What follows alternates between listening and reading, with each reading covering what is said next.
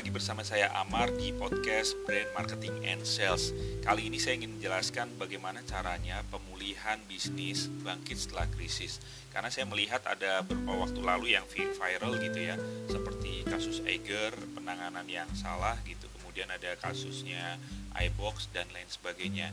Tapi sebenarnya kasus-kasus itu hanya sedikit, banyak lagi kasus-kasus yang lain yang mungkin tidak terblow up menjadi viral Nah, ini beberapa tips yang mungkin bisa untuk mengantisipasi potensial problem dan bagaimana caranya biar bisa bangkit lagi. Ada tiga poin utama yang ingin saya sampaikan di podcast ini selama 10 menit ke depan. Yang pertama adalah kalian bisa menyiapkan rencana pemulihan bisnis membantu uh, kalian bertindak cepat saat suatu krisis muncul. Yang kedua adalah ada lima langkah pemulihan bisnis adalah satu antisipasi, dua rencana, segera bertindak dan komunikasi serta evaluasi dan yang ketiga yang kalian bisa pelajarin adalah mengetahui kelemahan-kelemahan bisnis kalian, mengurangi peluang terjadinya krisis di masa uh, mendatang. Itu. Jadi pertanyaannya adalah apa itu pemulihan bisnis? Kemudian apa yang harus dilakukan saat krisis melanda bisnis kalian dan apa yang bisa dilakukan untuk mencegah terjadinya krisis pada bisnis kalian gitu ya. Jadi uh, saya ingin cerita walau sudah kita bekerja keras dan berhati-hati, kadang kesalahan-kesalahan dalam bekerja bisa saja terjadi, ya kan? Bagaimana kalau misalnya e, suatu bisnis berbuat salah? Nah, kalau misalnya masalahnya internal, tim SDM atau IT itu bisa membantu. Tapi bagaimana jika seorang karyawan memposting hal yang sensitif atau sebuah produk harus ditarik? Bagaimana sebuah bisnis menangani krisis ini gitu ya? untuk sebuah bisnis hanya memperbaiki masalah tidaklah cukup. Kuncinya adalah merespon secara terbuka pada publik dan segera bertindak untuk mencegah krisis humas atau hubungan masyarakat yang bisa terjadi. Bayangkan sebagai contoh ada Flora Floris mengirimkan sejumlah rangkaian e, bunga pesanan pelanggan dalam rangka Hari Ibu, tapi saat diterima pelanggan bunganya sudah rontok. Nah, bagaimana nih flora floris harus meresponnya gitu ya. Jadi kalau misalnya ada apakah melalui uh, sosial media dengan kata-kata misalkan saya mohon maaf atas kerusakan yang terjadi dalam pengiriman, kami akan mencari tahu dan memperbaiki situasi ini.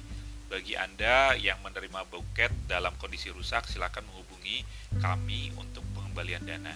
Atau yang kedua misalnya dengan kata-kata Berkenan dengan situasi yang terjadi, kami ingin menegaskan bahwa ini kemungkinan bukanlah kesalahan dari pihak kami. Namun silahkan memesan ulang buket kami dengan potongan diskon 15%. Tentunya dari pilihan dua kata itu, yang harus dipilih yes, yang A.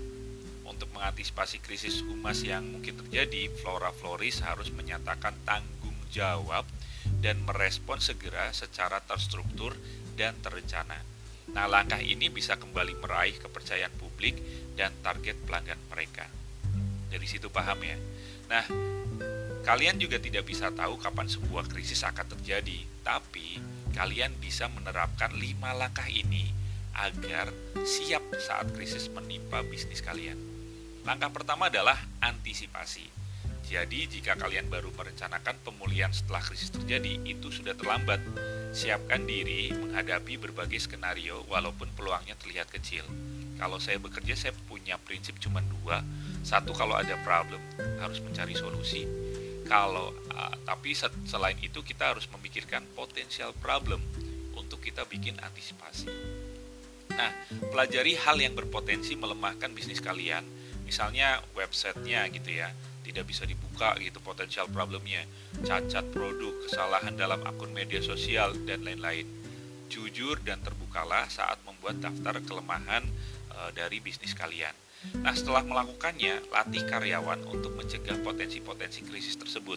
Misalnya pastikan tim pemasaran paham cara mendiskusikan masalah sensitif e, seperti isu politik dan bencana alam tanpa menimbulkan kontroversi. Langkah kedua adalah perencanaan dalam sebuah krisis, waktu adalah segalanya.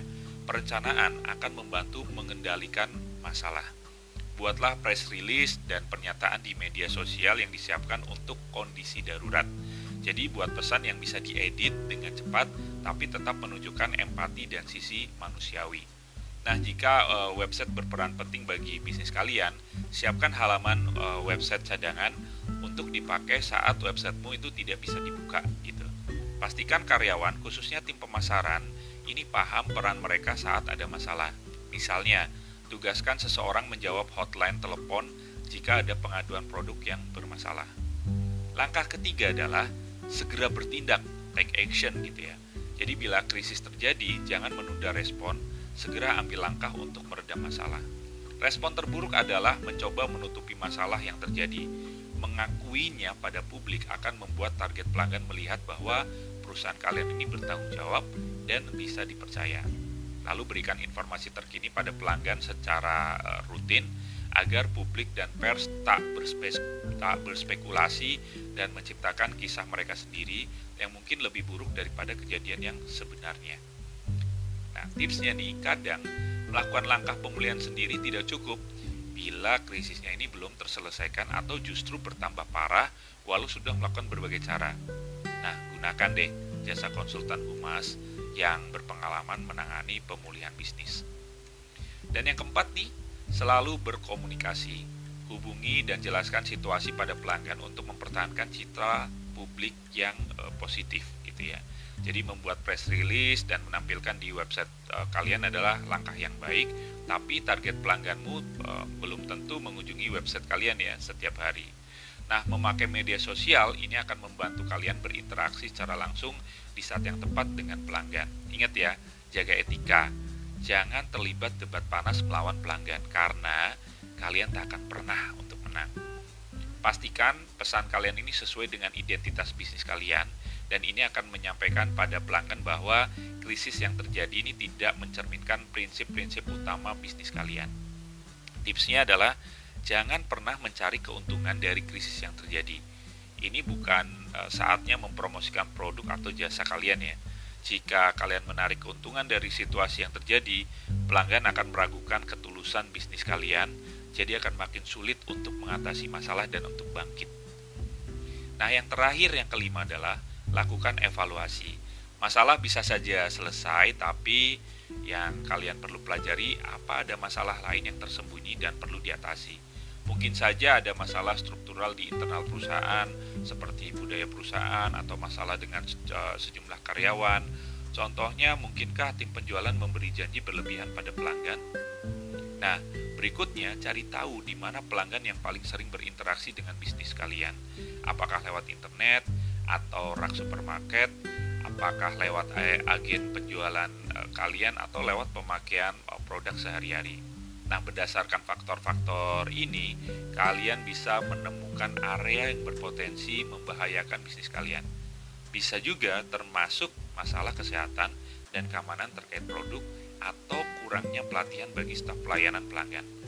Nah, menerapkan langkah-langkah ini bukan hanya membuat e, kalian bisa menghadapi dan mengatasi krisis yang sedang terjadi, tetapi juga mengurangi peluang krisis-krisis seperti ini muncul kembali di masa mendatang. Nah, setelah krisisnya teratasi, saatnya untuk kembali membangun kepercayaan. Caranya gimana? Keluarkan pernyataan tentang proses mengatasi masalah, apa yang e, kalian pelajari dan prosedur untuk mencegah masalah tersebut berulang. Undang media untuk menulis tentang penyelesaian krisis ini. Nah, testimoni dari pihak ketiga ini sangat efektif untuk meraih kembali kepercayaan pelanggan. Mintalah pihak-pihak yang Eh, dekat dengan kalian dan bisnis kalian itu baik itu teman, vendor dan lain-lain untuk menulis ulasan yang positif. Nah, tawarkan bonus seperti produk gratis dan diskon. Tindakan ini tak hanya akan membuat e, mereka kembali, tapi juga memberi kesempatan bagi pelanggan untuk merasakan perubahan positif dari bisnis kalian. Nah, proses pemulihan bisnis bisa berlangsung lama. Ini tergantung pada besarnya krisis ya. Jadi kalau makin besar mungkin bisa jadi makin lama, tapi kalau krisisnya kecil bisa jadi cepat. Intinya adalah bersabar. Nah, berita di media berubah dengan cepat jika kamu tulus dan terbuka. Orang akan memberi uh, bisnis kalian di kesempatan yang kedua.